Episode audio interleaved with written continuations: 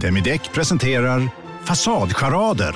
Dörrklockan. Du ska gå in där. Polis? Effektar? Nej, nej, tennis tror jag. Pingvin. Alltså jag fattar inte att ni inte ser. Va? Nymålat! Men det var många år sedan vi målade. Demideckare målar gärna, men inte så ofta. Bara på Storytel. En natt i maj 1973 blir en kvinna brutalt mördad på en mörk gångväg. Lyssna på första delen i min nya ljudserie. Hennes sista steg av mig, Denise Rubberg. Inspirerad av verkliga händelser. Bara på Storytel. When We're Kings är, som ni vet, en podd om historiska fotbollslag och spelare. Men bara därför innebär det inte att vi är rädda för nyheter. Och idag har vi en liten nyhet att presentera, eller hur Erik? Ja, det kan vi väl säga, för idag ska vi då göra 2021-versionen av vårt numera återkommande utmärkelseprogram. Och så här tänker vi då att vid slutet av varje kalenderår så tittar vi tillbaks på de tolv månader som passerat och utser helt enkelt den mest When We Were Kings-värdiga historien. Och vi är lite försenade det här året. Ronaldinho-snacket drog ut en del på tiden, så det här avsnittet kommer några dagar senare än vad vi egentligen planerat för. Men vadå då? Tiden springer inte ifrån oss. Och när jag ser tillbaks på 2020 och 2021 så kan jag väl konstatera att då var vi egentligen ännu lite senare, för då delade vi ut den här utmärkelsen utan att riktigt veta om det. Vi gjorde ett avsnitt om Atalanta i början av 2021 och det var egentligen den här varianten oformulerad. Då hade vi inte huggit fast det i sten ännu, eller ja, då hade vi inte huggit fast det i guld ännu. Men från och med då så har vi alltså vår årligt återkommande When We Were Kings utmärkelse VVVK Guld. Och 2020, ja, då gav vi den då lite halvpostumt till Atalanta. Och 2021, ja, då ger vi den till Bodö Glimt från Nordnorge. Och runt detta resonerar vi så här, att när vi läser om dagens lag så finns det väldigt mycket som väcker beundran. Hur de vårdar sin historia och kultur i sin verksamhet. Hur de tagit fram en strategi de faktiskt följer i allt de gör i sitt dagliga arbete. Hur de satsar på ungdomar och överblivna spelare i sin verksamhet. Hur de vågar prova nytt och samtidigt som de värnar om sin kärna. Allt det där väcker som sagt beundran, men det är när man tittar på resultaten man häpnar. Hur i helvete kan man lyckas så otroligt bra med så små ekonomiska förutsättningar och ett egentligen omöjligt geografiskt läge?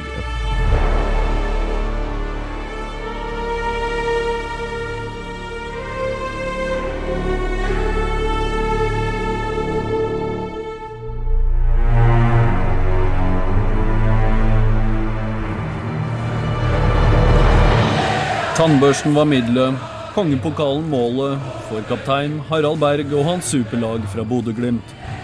De tok landsdelens første cupmesterskap etter 2-0 over Haugesund-laget Vard i finalen. Fram. Sturla Solheim er inne. Høie. Og så får Sturla ballen i mål! Og så får Sturla Solheim satt ballen i mål. Han som kom inn. Og se på ham. Og vi har en dommer.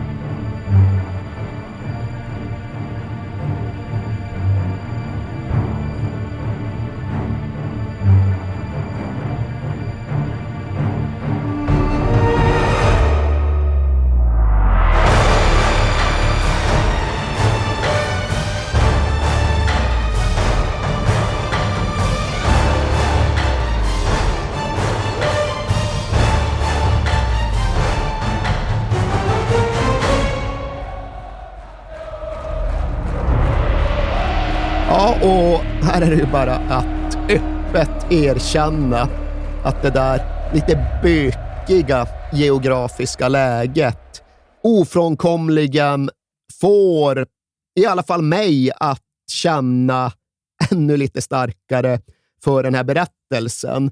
För ja, du vet ju vad man säger om dalkurd eller assyriska eller syrianska. De är ju landslag för folk utan land. Ja. Och ja, jag kan sannoliken tycka att alla vi infrusna stackare som vuxit upp ovanför polcirkeln har väldigt mycket gemensamt med varandra på ett sätt som gör att jag kan känna samhörighet med någon vindpinad grönlänning eller märgfrusen kanadensare eller för den delen en frystorkad ryss. För det är en prövande tillvaro där högt ovanför polcirkeln. Och det, är bara, alltså, det är typ fyra miljoner människor i världen som bor där.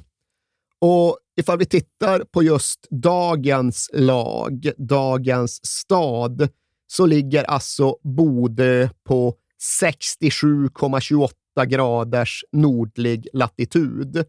Vet du vad som ligger exakt på samma jävla breddgrad? Det måste vara Malmberget. Det är klart att det För gör. att jag kollade jättenoga på kartan och jag såg att Gäll, det ligger norr om Gällivare, men det gör ju Malmberget lite, lite grann också. Exakt. Nej, det Ja. är så identiskt som det egentligen någonsin kan vara. Malmberget och Bodö ligger precis lika långt norrut.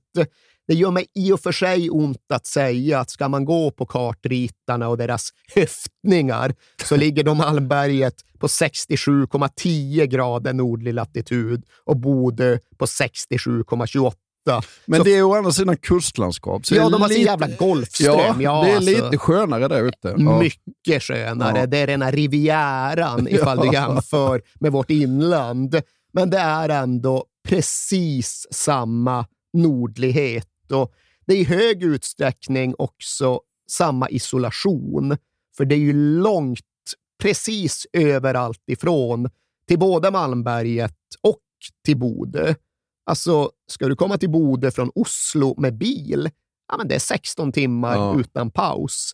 Det är en rejäl jävla bit att åka. Och ett sånt faktum gör saker med människor. Det är jag övertygad om. Och jag är ju också fast i den här idén om att vår röst aldrig riktigt har hörts och vår bakgrund har aldrig riktigt representerats i någon bredare allmän debatt. Vi där högt uppe ovanför polcirkeln, ja men vi är lite bortglömda, vi är lite marginaliserade och vi har ju sannoliken aldrig kunnat föra vår talan genom fotboll som så många andra förtryckta minoriteter ändå har kunnat. Men när då Bodeglimt började vinna ligatitlar häromåret, ja, då var det första gången i den globala historien som en klubb från en plats ovanför polcirkeln vann ja, men en någorlunda professionell fotbollsliga. Men om vi kollar historiskt så har de sin första stora framgång 1975. Ja, det är inte bara deras första stora framgång. Det är alltså inte bara Bodeglimts första stora framgång, utan det är på ett så tydligt sätt den första stora nordnorska framgången. Och ifall vi nu vill inkludera oss själva i något panpolcirkliskt eh, gemenskapsfälle, så kan vi väl också känna att det i någon mån var vår framgång även på andra sidan nationsgränsen. Men jag tror att vi var inne på det redan i avsnittet om Rosenborg, att det ju fanns den här diskrimineringen, den geografiska diskrimineringen inom norsk fotboll ända fram till det tidiga 1970-talet. Ja. Då tilläts ju helt enkelt inte nordnorska klubbar att delta i högsta ligan. Och vi ska nu inte sitta här och vara så malliga i Sverige heller, för vi hade ju precis samma typ av begränsning bara det att vi hävde det lite tidigare. Vi accepterade norrländska klubbar från och med 1955 och då kunde något Lycksele i alla fall vara uppe och kvala till allsvenskan med möjligheten att gå upp, även om de sen inte lyckades nå hela vägen. Men i Norge så brast fördämningarna i början av 1970-talet och Mjölner från den förträffliga staden Narvik blev första nordnorska klubb att nå hela vägen 1972. Men det var ju ändå inte det stora genombrottet. Det var inte det som fick vallar och fördämningar att brista, utan det var då Bode Glimt i kuppen 1975. De försökte själva ta sig upp till högsta ligan. De föll på målsnöret, men omedelbart efter den besvikelsen så skulle de då få chansen att åka ner till den kungliga huvudstaden och spela cupfinal på Ullevål. Och de åkte ner i tusental och det var på många sätt den här dagen som den norska cupfinalen blev det publikfenomen som den förblivit i årtionden. Vi satt ju och slet våra hår på 1990-talet över varför den svenska cupfinalen var, väckte ett kompakt ointresse medan den norska cupfinalen var någon form av motsvarighet till fa cupfinalen på Wembley. Det var den stora högtidsdagen och folk reste kors och tvärs i stora horder. Och det springer ju då mycket ur den här nordnorska invasionen av Oslo en vårdag 1975 och de kom i stora skaror. De hade med sig tandborstar i tusental och de var egna och udda. Och de gick och vann finalen med väldigt starka profiler och Arne Hansen spelade med bältros. Och det finns liksom ingen hejd på allt rosa skimrande romantiserande av den här cupfinaldagen. Men när Bodeglimt lyfte Kongepokalen på Ullevål så hade det en enorm betydelse för den nordnorska självkänslan. Men det är åt Arne Hansen, så får han dit och sikta och så sticker ju trean väck. Det må vara mål! Ja, ja, 2-0! Arne Hansen, han fick all världens tid. Han fick all världens tid. Vad tänkte du akkurat när du såg bollen nå i mål och då du kysste till det stora publikum? Det var en härlig födelse. Det är det största du har upplevt som fotbollsspelare? Ja, utvilsomt. Ja, när Bodeglimt vann cupen 1975, då var Örjan och Runarberg, alltså två av Haralds söner, fem respektive sju år gamla. Så den här vägen fram mot cuptiteln, det blev deras första fotbollsäventyr. Det blev, i alla fall i Runars fall, deras allra första fotbollsmatcher. Och det är klart att saker såddes i dem i och med detta. Därefter var det ganska självklart vart de skulle ta vägen. Det var bara ut ur familjehuset, ner mot det där bryggeriet som låg vägg i vägg med uppväxthemmet och så var det kicka boll mot parkeringsplatsens murvägg. Den där muren där det hängde en skylt med texten fotbollssparking förbytt. Ja. Och jag tror faktiskt att den skylten har blivit någon typ av museiföremål idag. Ja. För fotbollssparken kunde vara hur förbutt det ville. Det skulle inte stoppa Örjan och Runar Berg. Och redan hösten 1984, efter då ett knappt treårigt berguppehåll, ja, då debuterade Örjan Berg för Bodeglimt och då kunde någonstans saker och ting börja vända uppåt igen. Och det blev ännu tydligare några år därefter då även en ung Runar Berg fick sin första chans i Bodeglimts A-lag.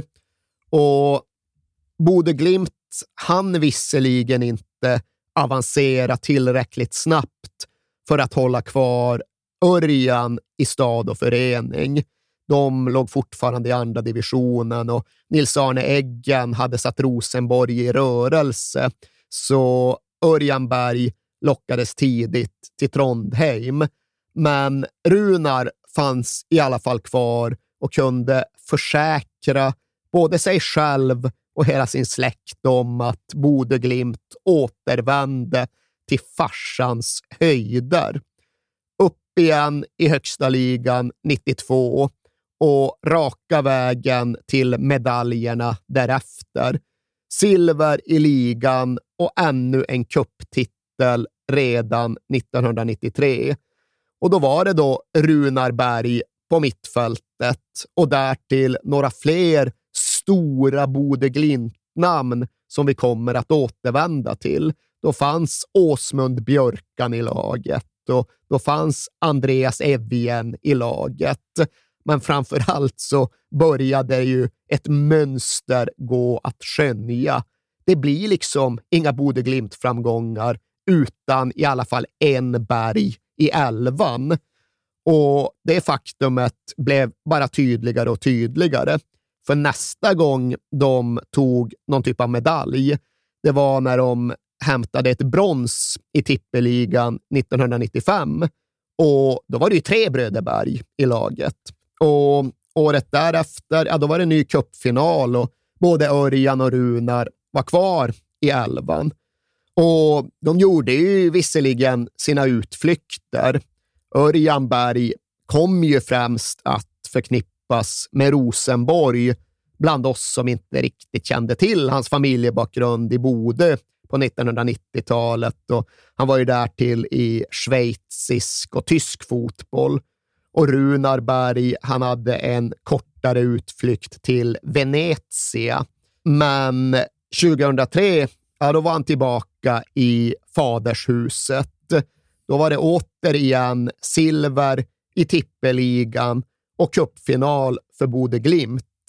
Men de lyckades då inte vinna någonting. För vilka och vem stod i vägen? Ja, men naturligtvis Rosenborg och självaste Örjan Berg. Ja. Han var ju då på motståndarsidan 2003 och bidrog starkt till att det var Rosenborg som hävde sig före Bode Glimt i både tabelltopp och cupfinal. Och på den tiden, ja, men då var Örjan Berg, han var ju typ 35, ja. men bättre än någonsin. Åge Hareide slog fast att okej, okay, visst, han är 35, men han hade kunnat gå in och spela för Real Madrid idag. Och det är ju med den måttstocken som de som kan fotbollen i Norge värderar de här brorsorna. Det går att hävda att de inte riktigt fick ut lika mycket som sin farsa, eller som de kanske borde ha fått. Det blev inga stora proffskarriärer och det blev inga så jättelika landslagskarriärer heller. Örjan Berg gjorde bara 19 A-landskamper och tackade nej till landslaget i flera perioder. Och Runa Berg stannade faktiskt på fem A-landskamper. Det är någonstans alla överens om att det är inte en rättvis representation av deras skicklighet och deras betydelse för norsk fotboll, för Rosenborg, för framför allt Bode Glimt. Det är lite som Torbjörn Nilsson i Sverige kanske? Ja, på ett ganska annorlunda sätt, jo, men, men okej då. Ja. ja, när de fick aldrig riktigt det där stora genomslaget på, Europa eller i landslaget, utan de var sina hemtrakter närmast på något sätt. Ja. Men de uträttade ju så oerhört mycket under så väldigt lång tid. För de hängde ju i så satans länge allesammans, både farsan och sönerna. För Harald Berg, som vi nämnde, då, debuterade som 16-åring, fortsatte tills han var 40. Exakt samma för ja, men egentligen båda sönerna. Jag tror efter att Örjan debuterade när han var 16 och la när han var 38 redan, den mjukisen. Ja. Medan då Runar också debuterade när han var 16-17 och även han spelade tills han var 40. Ja. Så de hann ju kicka en del boll. De hann göra en hel del nytta, både för sina fotbollslag och för de lokalsamhällen som de representerade. Och för några år sedan så korade Världens Gang, VG, tippeligans bästa spelare någonsin. Alltså inte fotbolls-Norges bästa spelare någonsin. Inte utifrån vad man hade presterat i landslaget eller under sina proffskarriärer, utan utifrån vad man hade presterat ja. i tippeligan. Och då är ju alla dessa bergare högt representerade. Runar Berg, 27 hade kunnat komma ännu högre, kan vi tycka. Sen är det faktiskt så att Harald Berg får se sig lite distanserad där. För dels tillbringade han ju flera år då i ett Bodeglimt som inte fick spela i tippeligan. Därtill var han i Holland ganska länge, så han får nöja sig med en femte plats, uh -huh. som även det hade kunnat vara högre. Men sen har vi ju då Örjan Berg på en andra plats.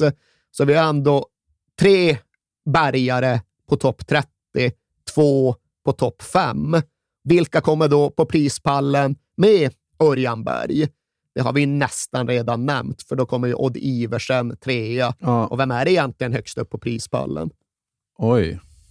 Ja, det slår det inte. Det, du sa att vi fick skit för att vi inte nämnde Harald Berg när vi pratade om Odd Iversen. Vi fick ju framför allt skit för att vi inte nämnde den här personen. Men har du inte i huvudet Nej. tror jag inte du kan få fram det. Det är ju Tom Lund då, från ja. Lilleström som ja, då allmänt är ansedd som i alla fall tippeligans främsta någonsin.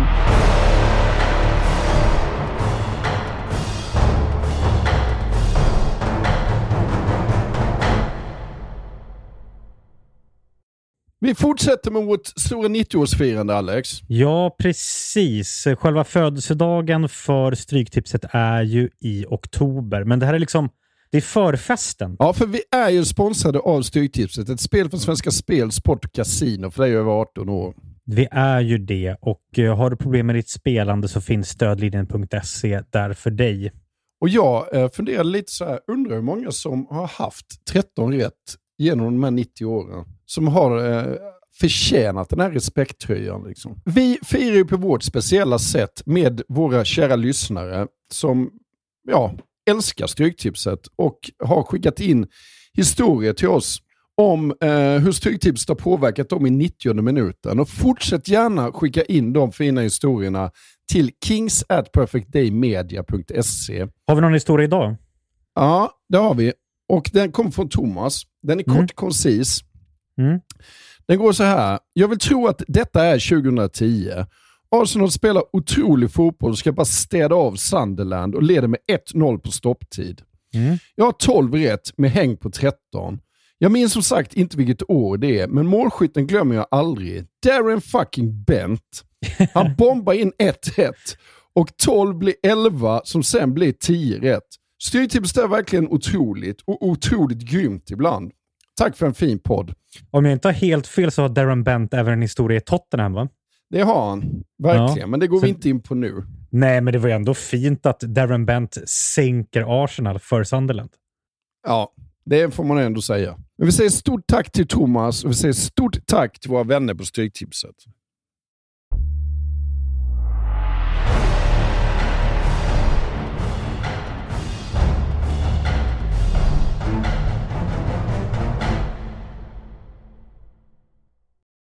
Ja, nej, men Åsmund Björkan har vi nämnt tidigare. Vi eh, hasplade ur oss att han också var med i laget som vann kuppen 1993. Men Åsmund Björkan, ja, han var ju då också en grabb från stan. Hade varit i klubbens verksamhet sedan han bara var en liten pojke och jag tror det kanske var 13 säsonger han gjorde för Bodö Glimts A-lag.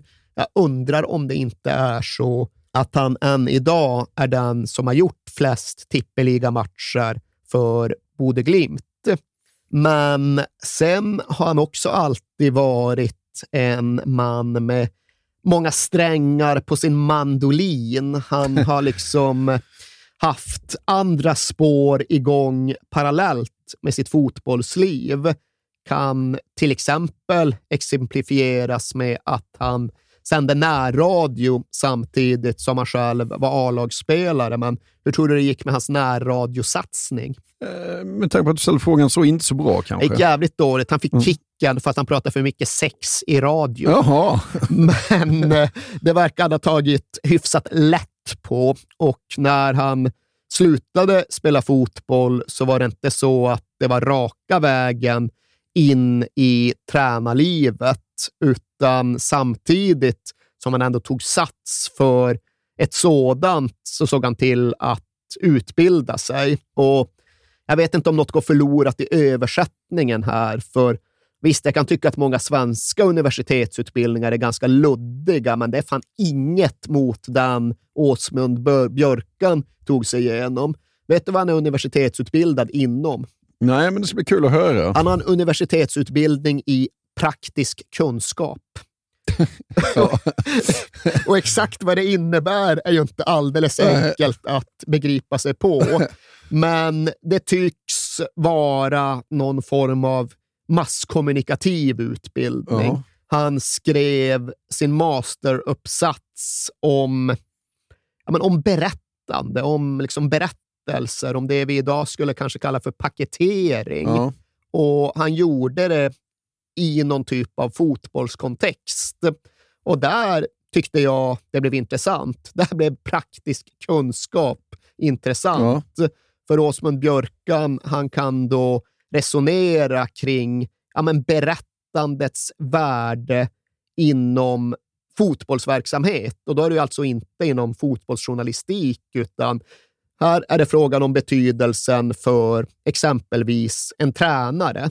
Hur ska en tränare kunna kommunicera om fotbollens kraft, om fotbollens betydelse på ett sätt som inspirerar en spelargrupp och på ett sätt som får en spelargrupp att tycka att det här med fotboll är lite viktigare än jag tyckte för ett år sedan. Det, ja, det forskade då Åsmund Björkan inom och det har han sedan tagit med sig ut i sitt nya yrkesliv som fotbollstränare. Och det räddade då inte hans Bodeglimt från att åka ur 2016, men det bidrog kanske till att folket som bestämde insåg att det här var en herre med större kunskap och med mer intressanta tankar än bara en trotjänare som skulle få jobb för att han hade varit länge inom föreningen. Och säsongen efter får Åsmund Björkan en ny andra tränare va? Får och får. Han tar själv beslutet att försöka stärka upp sin stab med att handplocka ett namn för att underlätta tillbakastudsandet upp i högsta ligan. Och det var ett namn som han tvingades ta en del strid för. För Kjetil Knutsen var ja, men ingen särskilt eftertraktad norsk fotbollstränare hösten 2016. Han hade gått en lång väg och den tycktes snarast vara på väg att ta slut. För Kjetil Knutsen hade inte Åsmund Björk Björkans fördel av att ha varit en mångårig elitspelare med ett namn och ett rykte, utan ja, fotbollen höll ju på att kosta Kjetil Knutsen livet redan när han var 22 år gammal. Då var han ju en aspirerande fotbollstalang som försökte kämpa sig upp i högsta ligan. Men den banan bröts då han fick en kraftig smäll på låret i en match för Åsane i ja, andra eller tredje divisionen. Och va, smäll på låret, hur allvarligt kan det vara? Tyckte väl Kjetil Knuts, Knutsen. Han utgick från att det bara var en lårkaka. Men hemma på kammaren den kvällen så led han ändå helvetets kval på ett sätt som helt enkelt inte var normalt för en lårkaka. Och dess bättre hade han en dåvarande sambo som var sjuksköterska och som hörde hans jämranden och kvidanden och insåg att det här behövde kollas upp. Så hon bussade iväg Kjetil Knutsen till akuten och där kunde de ganska snabbt konstatera att jäklar, det här, den här blödningen hade ju inneburit en kraftig blodpropp. Och hade inte den behandlats den kvällen, ja, då hade förmodligen Kjetil Knutsen förlorat livet. Fan. Så allvarligt var det. Men inte var det nog med elände i och med detta för fotbollsspelaren Kjetil Knutsen, utan han försökte kämpa sig tillbaks, men blev väl aldrig riktigt fullt återställd. Och när han ändå var tillbaks på planen, ja, då fick han en kraftfull jävla spark i huvudet som gjorde så att han förlorade 90 procent av synen på högerögat. Och där gav han väl till slut Ja, det kan man ju förstå. Ja, det kan man det fan fan vad jobbigt. Ja, Ja. liksom halvt invalidiserad Ja. på gränsen mot döden på grund av fotbollen. Ja. Men han lämnade ju då inte sporten, utan han gjorde den här raska omsadlingen som ändå ligger väldigt nära till hans för många i hans situation. Så han korsade bara sidlinjen. Han gick från att vara spelare till att bli tränare redan som 26-åring. Och där utmärkte han sig på ett sätt som han egentligen aldrig gjorde som spelare. Där blev han tidigt sedd som någon sorts wonderboy, för han blev huvudtränare för något gäng som hette Hovding. Och de tog han från fjärde divisionen upp i trean och vidare upp i tvåan och därifrån hela vägen till en fjärde plats och ja, men, tröskeln till tippeligan. Så det var ju ett litet mirakeljobb som han inledde sin tränarbana med och det är klart att det ledde till att folk fick upp ögonen. Och Kjetil Knutsen, ja, men han kommer då från Bergen och i Bergen är det ju brann som gäller. Och de sög upp Knutsen och utsåg honom till spelarutvecklare. Men det fanns väl också en mer eller mindre uttalad ambition att han därefter skulle bli arvtagare till Måns-Ivar Mjelde som huvudtränare. Så det var väl med de förväntningarna som Kjetil Knutsen såg på sin tränarposition när han nyss hade fyllt 30. Sen gick han där i år efter år och tycktes inte komma närmare jobbet som huvudtränare utan snarare tvärtom.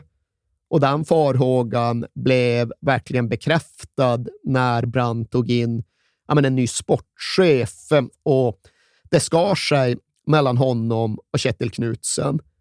Helt plötsligt så var Knutsen reducerad till obetydlighet och han fick inte en enda arbetsuppgift utlagd på sig under ett drygt halvårs tid. Och, ja, då kan en arbetstagare konstatera att the writings on the wall. Det är nog dags att söka sig en ny miljö och en ny arbetsgivare. Och Det innebar då att Kjetil Knutsen efter ganska många år, snarare än ett steg upp, tvingades ta ett par steg ner igen.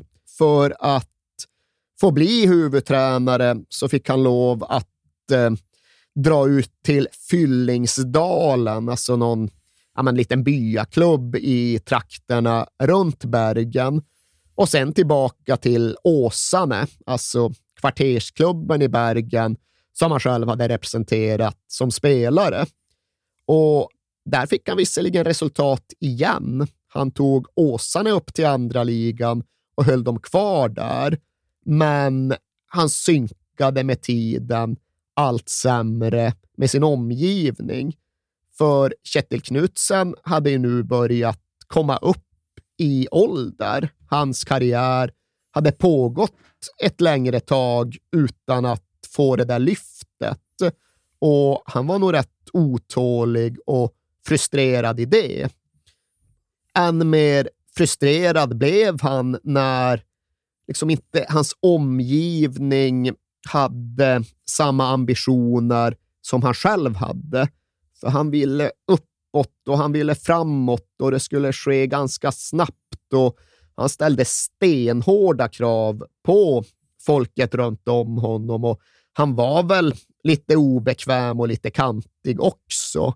Men det här var ju ett sammanhang där spelarna men i bästa fall var deltidsproffs. De kom ju till träningarna från jobb och skola och kunde inte leva någon typ av proffsliv 24-7 som Kjetil Knutsen mer eller mindre krävde av dem.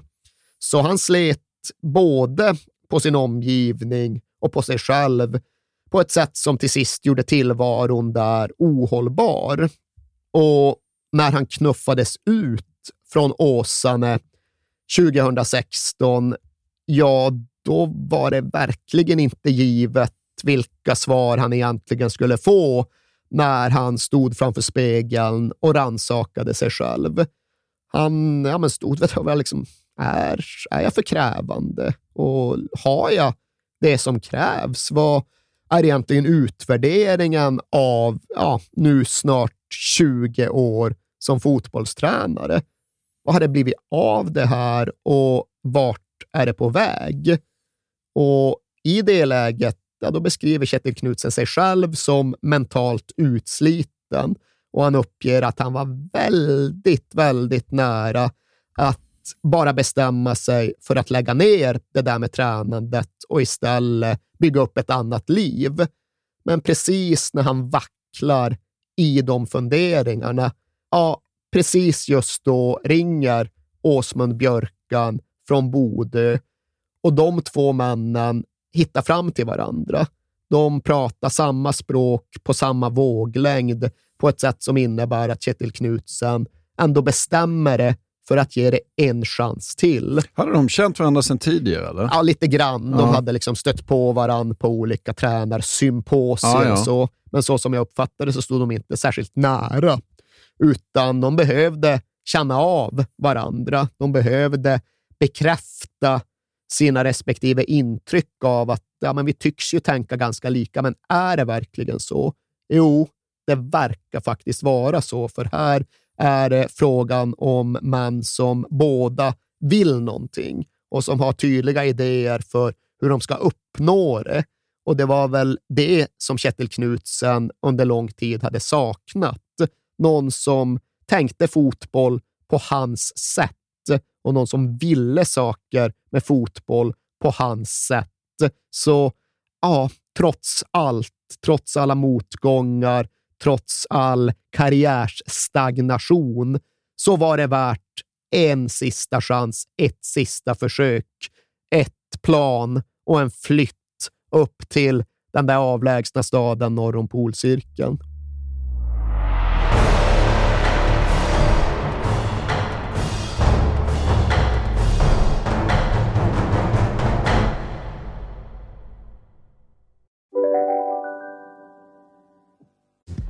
Hej, Synoptik här. Så här års är det extra viktigt att du skyddar dina ögon mot solens skadliga strålar. Därför får du just nu 50% på ett par solglasögon i din styrka när du köper glasögon hos oss på Synoptik. Boka tid och läs mer på synoptik.se. Välkommen! Om en så vidde på väg till dig för att du råkar ljuga från kollega om att du också hade en och och innan du visste ordet av bjöd du hem kollegan på middag och... Då finns det flera smarta sätt att beställa hem din sous på. Som till våra paketboxar till exempel. Hälsningar Postnord. Dåliga vibrationer är att skära av sig tummen i köket. Ja! Bra vibrationer är att du har en tumme till och kan scrolla vidare. Alla abonnemang för 20 kronor i månaden i fyra månader. Vimla! Mobiloperatören med bra vibrationer. Och de tar sig upp i uh, Elit... Vad fan heter den? Elit... Ja, den bytte väl namn från vårt gamla kära tippeligan till Eliteserien. Ja, det är väl här någonstans. Och, ja, för mig är det fortfarande tippeligan, Ja. men för mig är svensk hockey fortfarande elitserien. Så, ja, det, De tar sig i alla fall upp i elitserien då, eh, 2018 och då, blir, då är Kjetil Knutsen huvudtränare. Ja, och nu är det ju ändå så att det finns ganska stora förhoppningar och de har ju spänt bågen rätt mycket och det går ju verkligen att skönja konturerna av det som är tänkt att bli det nya Bodeglimt. Här har vi Åsmund Björkan med all sin praktiska kunskap. Här har vi Kjetil Knutsen med sina stora ambitioner som till sist har förlösts. Och så har vi då den här kärnan av egna unga spelare. Och så dundrar Bodeglimt ut i den nya säsongen och så tar de en seger på de åtta första matcherna och parkerar på nedflyttningsplats. Och 2018 ska komma att bli ett prövofyllt år för alla dessa huvudpersoner. För ja, men Kjetil Knutsen, han förblir obekväm och konflikträdd och väldigt stark i sin egna övertygelse. Så han tar liksom inte de enkla valen för att få folk i stan och kanske folk i medierna på sin sida som inflyttad bergensare, utan han knuffar ut en klubblegendar som heter Trond Olsen och det leder till ganska upprörda tongångar i Bodö. Och han spelar ett högt spel, det gör han, Kjetil Knutsen. När hans gulklädda lag balanserar på nedflyttningsstrecket så är hans egen insats ja, men egentligen hela den egna karriären. För ifall Bodeglimt åker ur, då kommer inte han bli kvar. Det är han helt övertygad om och då vette tusan ifall det blir något mer tränarjobb. Och mot den ganska ödesmättade bakgrunden så fastnar så Bodeglimt i en situation in på höstrakan då de inte vinner någon av de sista seriematcherna heller. Och när man hör det så tror man väl att ödet är beseglat. Men till saken hör att Kjetil Knutsens Bodeglimt egentligen inte förlorade så värst många matcher heller, utan de spelade kryss hela tiden. Som Halmstad BK, bara det att vi åkte ur. Ja, och det gjorde inte Bodeglimt till slut. De spelade totalt 14 kryss och de avslutade säsongen med fyra raka 1-1-matcher. Men det räckte precis. De slutade till sist, om det var två eller tre poäng, ovanför nedflyttningsstrecket och i och med det studsade nätrullan ner på rätt sida. Och här är det ju onekligen intressant att liksom fundera kring kontinuitet, långsiktighet och uthållighet. För Kjetil Knutsen säger det själv, att hade vi åkt ner, hade vi förlorat en eller ett par av de här kryssmatcherna, ja, då hade jag antingen fått sparken eller så hade jag tackat för mig. Ja. Då hade den här historien varit slut. Och det säger Knutsen trots att han också säger att jag var helt säker på att vi var inne på rätt väg. Men ja, det är små marginaler. Ja, verkligen. Och hur många sådana här framgångssagor har aldrig fått bli färdigberättade? Hur många har avbrutits en fjärdedel in eftersom att det är för svårt att hålla blicken på bollen och liksom ha målet fast i sikte. Det är ju väldigt enkelt att säga att okej, okay, nu börjar vi med det här storslagna projektet och förmodligen så kommer det att vara lite skakigt de första två åren. Men sen kommer framgången. Ja. ja, jo, visst, det är lätt att säga, men under de där skakiga två åren, ifall det till och med blir ännu lite skakigare än vad man har föreställt sig, ja, hur stark är då tilltron och övertygelsen och för den delen kuraget vid att hålla fast vid planen och låta den ligga stilla? Ja, det är någonting som ibland är värt några stunder av eftertanke och reflektion. Ja. Patrik Berg, det är fint. Igenom på Hauge. Det är ikke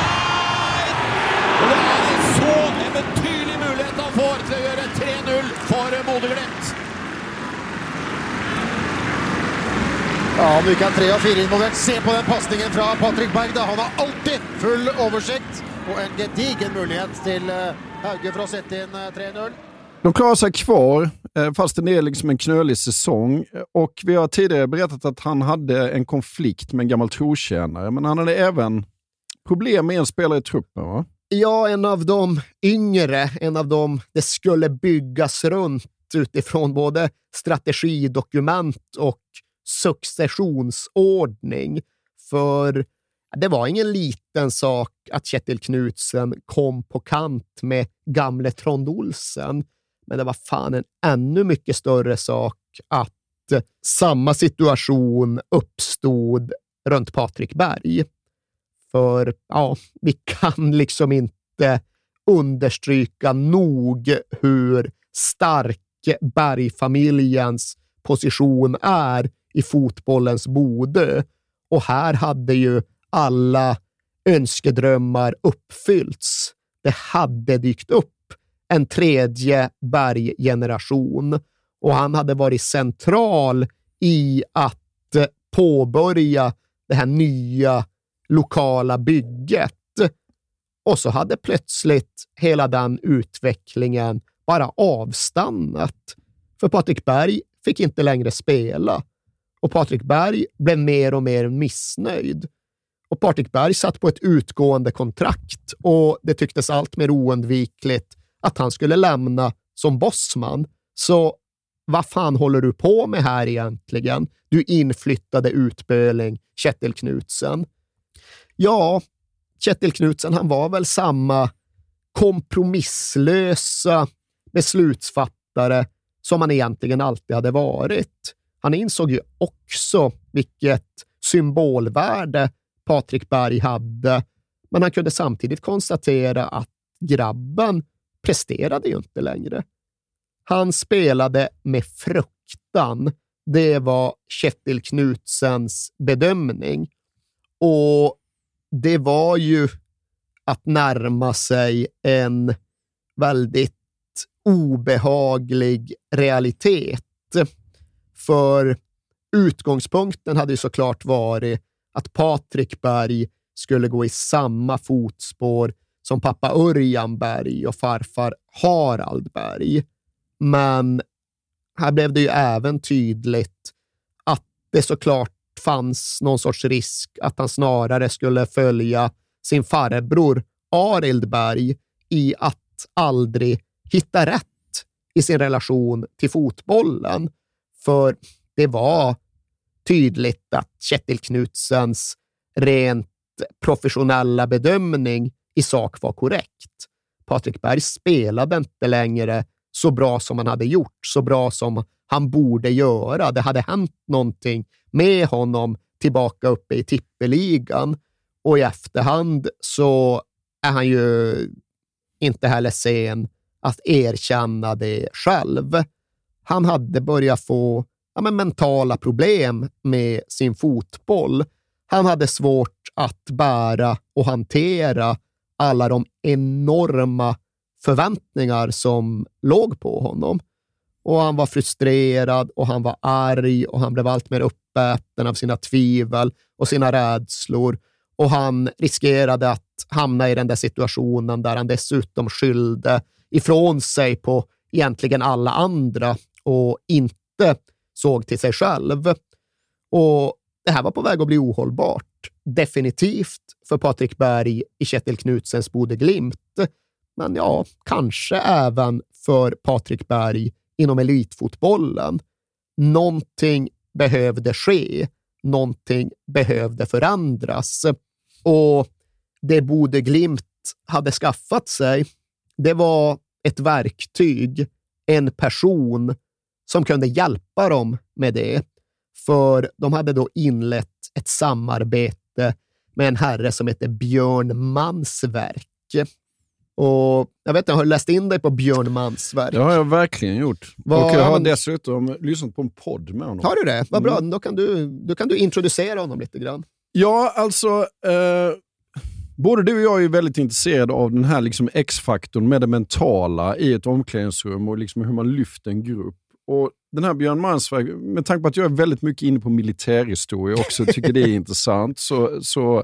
Han är din typ av man. Han är onekligen min typ av man. Gammal stridspilot. Stridsflygare som, som flög F16-plan för, eh, för Norge. Då. Det betonar du på ett sätt som jag inte riktigt kan relatera till. Det är en stor det, grej. Alltså. Ja, det är det. det. Det är väl bland de eh, värsta stridsflygplanen som finns. Liksom. Och han flög dem även i, eh, alltså, i Skarpt läge. Skarpt läge Han hade ja. väl varit uppe över både Afghanistan och Libyen, så vitt jag Exakt. förstår. Man inser ju att flyger du ett F16-flygplan i skarpt läge så måste du vara väldigt, väldigt mentalt balanserad och veta precis vad du gör. Och att ta in en person, en sån person in i fotbollen tycker jag låter otroligt intressant. Och när jag lyssnade på den här podden, så det, det jag verkligen fastnade för, eh, eller en grej som jag verkligen fastnade för, det var att han berättar att när han går in för första mötet med, de här, med, med spelargruppen så eh, inser han att det här mötet måste bli så bra så att de direkt är med på banan. För är de inte det, då kan vi inte ha något samarbete. Och Jag skulle så otroligt gärna vilja veta vad sades på det här första mötet. Det finns mycket som är väldigt spännande och fascinerande. Och det är ju också så att Björn Manns verk var ju verkligen en utanför boxen-rekrytering. För nog tusan har ju skandinaviska fotbollsföreningar varit i kontakt med mentala tränare och rådgivare för. Liksom, Willy Railio har väl varit ens faktor inom svensk fotboll i snart 50 år. Men Björn Manns verk jag kom ju dels då från ett helt annat fält, en helt annan bakgrund och var så vitt jag förstår inte heller utbildad eller etablerad som mental tränare överhuvudtaget, utan det han hade gjort, det var att han hade gått någon ledarkurs och deltagit i någon sorts mentorprogram inom flygvapnet. Och där hade de bland annat haft något arbetsmiljöprojekt med en projektledare som fokuserade väldigt mycket på uppmärksamhetsträning. Och den snubben ska vara ett ganska välkänt namn, så det var till honom Bode Glimt först vände sig och undrade ifall han skulle kunna komma och hjälpa till med det mentala inom deras verksamhet. Men nej, det hade han inte tid och möjlighet till. Men däremot så var det en kille som jag stötte på här i samband med ett utbildningsprojekt i försvaret för någon månad sedan.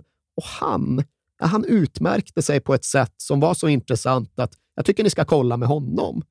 Och det är ju en väldigt liksom, luddig rekommendation. Ja. Men att Bode Glimt ändå väljer att utforska den och att Björn Mans verk efter lite övertalning ändå gå med på att i alla fall testa.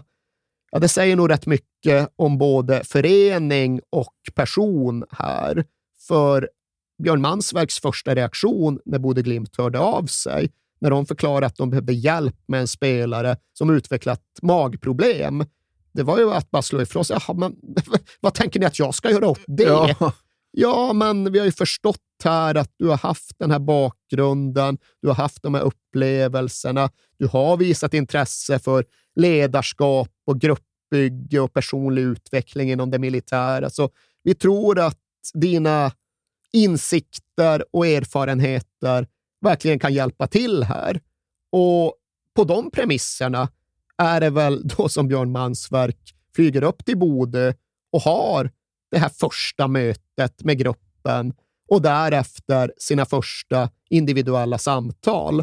Och precis som du säger, där är det ju verkligen inte självklart vart det ska ta vägen, om det ska bli något överhuvudtaget.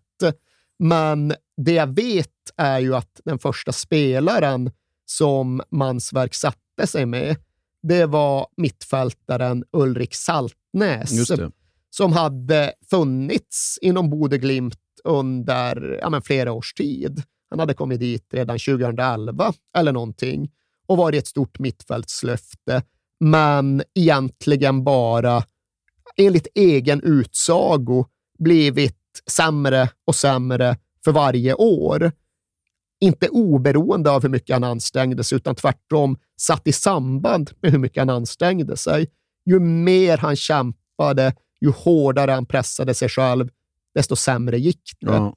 Och det fanns någonting i Ulrik Saltnäs personlighet som förstärkte detta. För han hade tydligen haft magproblem sedan han var 11 år gammal. Sen han gick upp och började spela 11 fotboll som liten grabb så blev anspänningen och liksom pressen han la på sig själv så stark att han hade svårt att kontrollera det. Och väl uppe i seniorfotbollen i tippeligan, ja, då blev det där så problematiskt att han höll på att kräkas inför varje match och inför allt fler träningspass. Och det var ju rätt uppenbart att det var ohållbart över tid. Och när Bode Glimt åkte ur 2016, ja, men då la Ulrik Saltnäs av. Ja. Han funderade inte på att lägga av, utan han la av och hade bestämt sig för att flytta till Köpenhamn och gå på Copenhagen Business School istället för att klippa sig och skaffa sig ett riktigt jobb. Men tydligen hade han fått in sin ansökan lite för sent och blev därför inte antagen och var tvungen att skjuta upp studierna en termin. Under den terminen så gick han mest bara i Bode och skrotade runt och kunde väl lika gärna gå ner och kicka lite på träningen bara för att hålla sig själv i form. Och utifrån den situationen, att då började han ju plötsligt spela sin bästa fotboll någonsin. Han var helt fri från press och krav och förväntningar. Han skulle ju ändå börja plugga i Danmark om några månader, så då gick det ju hur bra som helst. Och det här var precis då Kjetil Knutsen hade kommit till och han såg, men vem är den här killen liksom? Ni har inte berättat om honom. Jo, nej, men det är Ulrik, han har lagt av, men, nej, men han ska inte lägga, han är ju bäst här. Liksom. han ska ingenstans.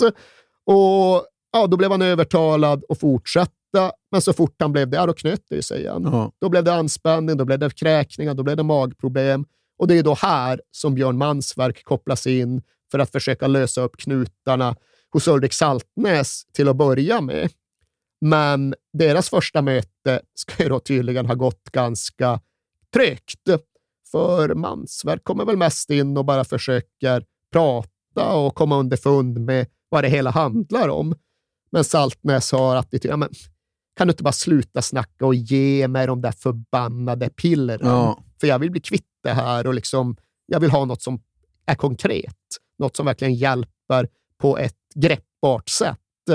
Men Mansverk höll i för, om inte annat blev han väl intresserad där och då, att vad fan är det här egentligen? Varför, varför är den här killen så påverkad av sin situation? Vad fan, han ska tydligen ta några löpningar och slå några passningar som gärna får gå framåt i banan. Hur kan det medföra så stor anspänning? Nej. Det är liksom inte F6 och Don över Tripoli direkt. Nej, och Björn Mansverk var ju helt ointresserad av fotboll Ja, ja. också. Jag förstod inte alls Nej, vad det han handlade om och förstod Nej. framför allt inte just varför folk tycktes ta det på så ödesmättat och överdrivet allvar. Alltså, ska det inte vara kul det här?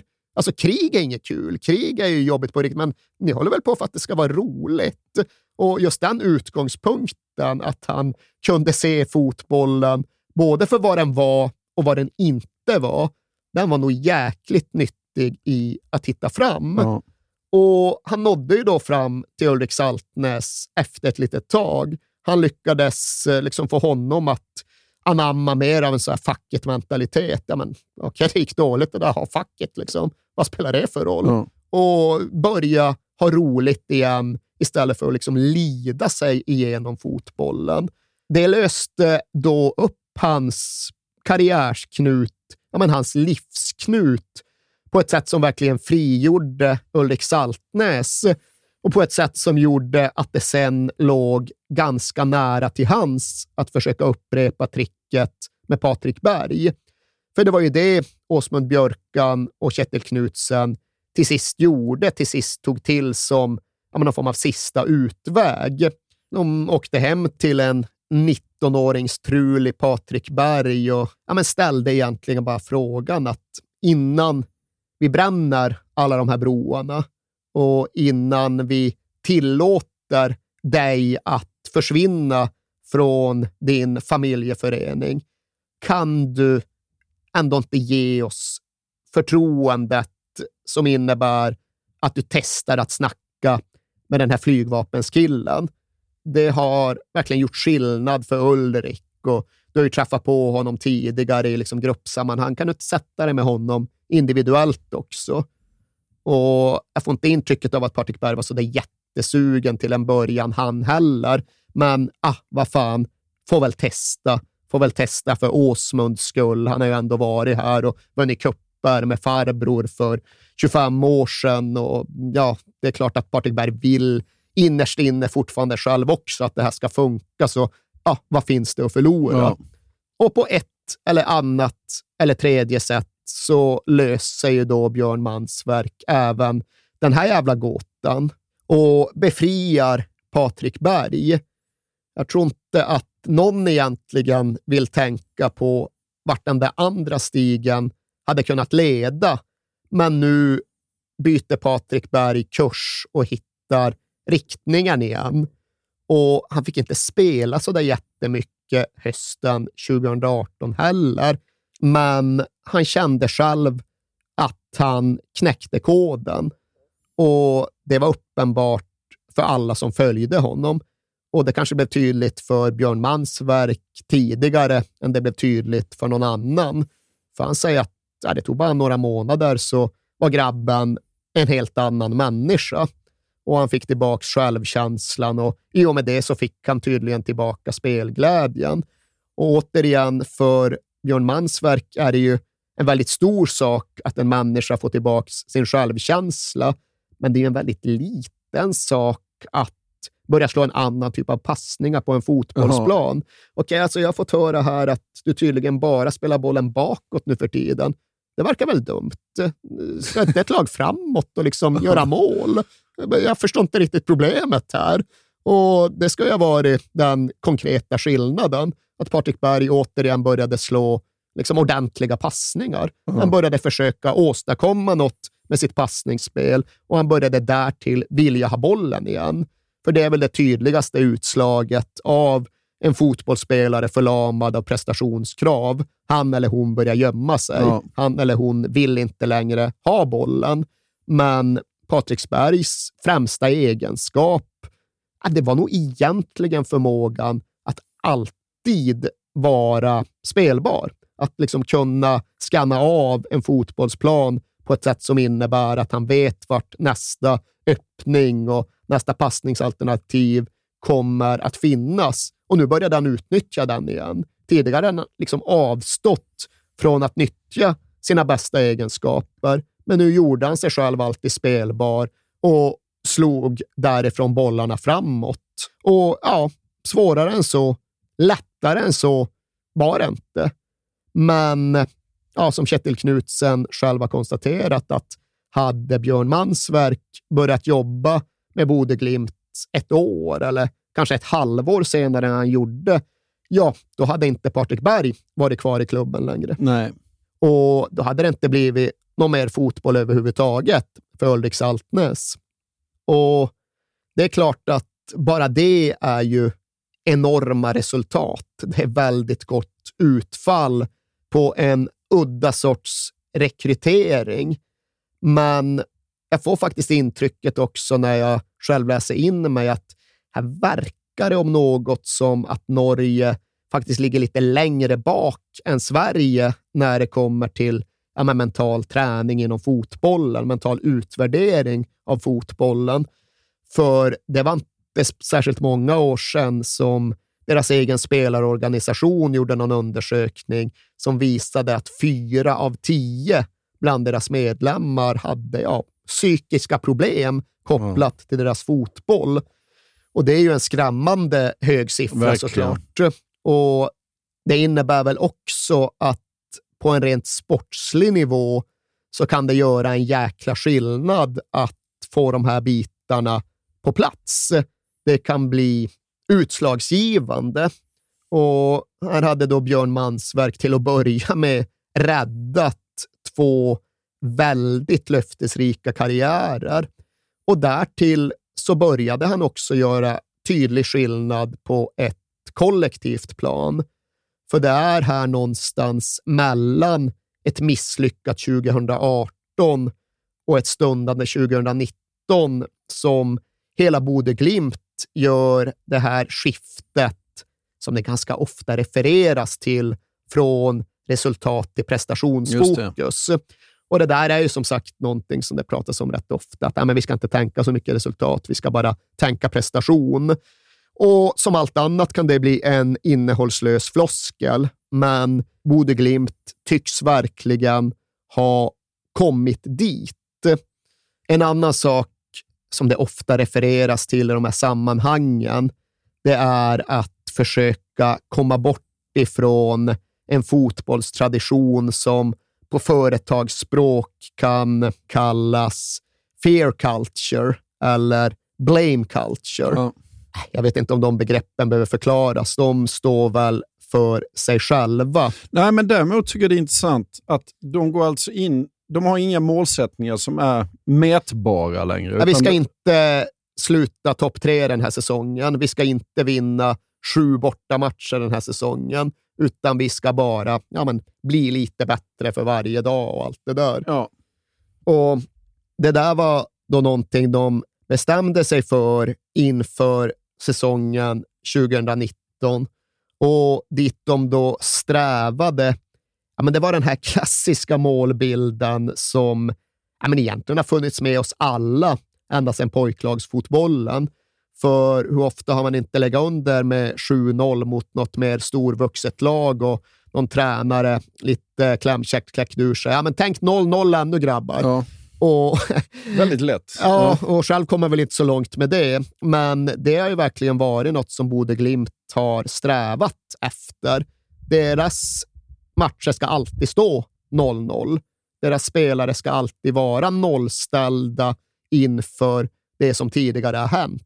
De ska bara fortsätta spela sin fotboll opåverkade och de ska då nå fram till ja, men, ett läge där de inte har några humörspelare i laget. Och sådana pratar vi om lite då och då. De där liksom lynniga Ja. genierna som kan vara helt ostoppbara om de kommer in rätt i matchen, men kan vara helt oanvändbara om de missar de två första dribblingarna. Några sådana ska inte finnas i Bodeglimt. Vi gillar ju dem, Erik. Det är klart vi gillar dem Ja. på ett ideologiskt plan, men ifall jag ska bygga fotbollslag så begriper jag ju att det vore ju bättre att ta spelare som alltid presterar, Självklart. snarare Ja. än de som presterar Oh ja. två dagar av sju.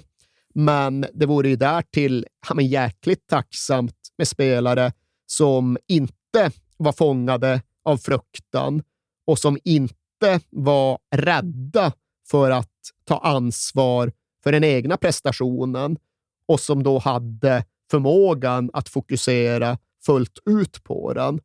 Och det var ju då den situationen som Bode Glimt ja, men häpnadsväckande snabbt började närma sig tack vare arbetet med Björn Mansverk. Och det var väl också mycket det som gjorde att de började närma sig platser dit ingen trodde att de skulle nå. För okej, själva hade de släppt resultatmål, men det hade ju såklart inte alla betraktare, inte folk i medierna, utan in i säsongen 2019 så är det klart att tabeller skulle tippas. Och där hade till exempel VG Bode Glimt på nedflyttningsplats in i spelåret 2019. Och det var ju utifrån ett gammalt sätt att mäta och värdera ganska rimligt. Ja, de hade precis klarat sig från nedflyttning året före. Det hade varit lite gnissligt mellan tränaren och flera av de stora profilerna. I grunden en liten klubb med en av elitseriens lägsta omsättningar. Ja, men vad fan.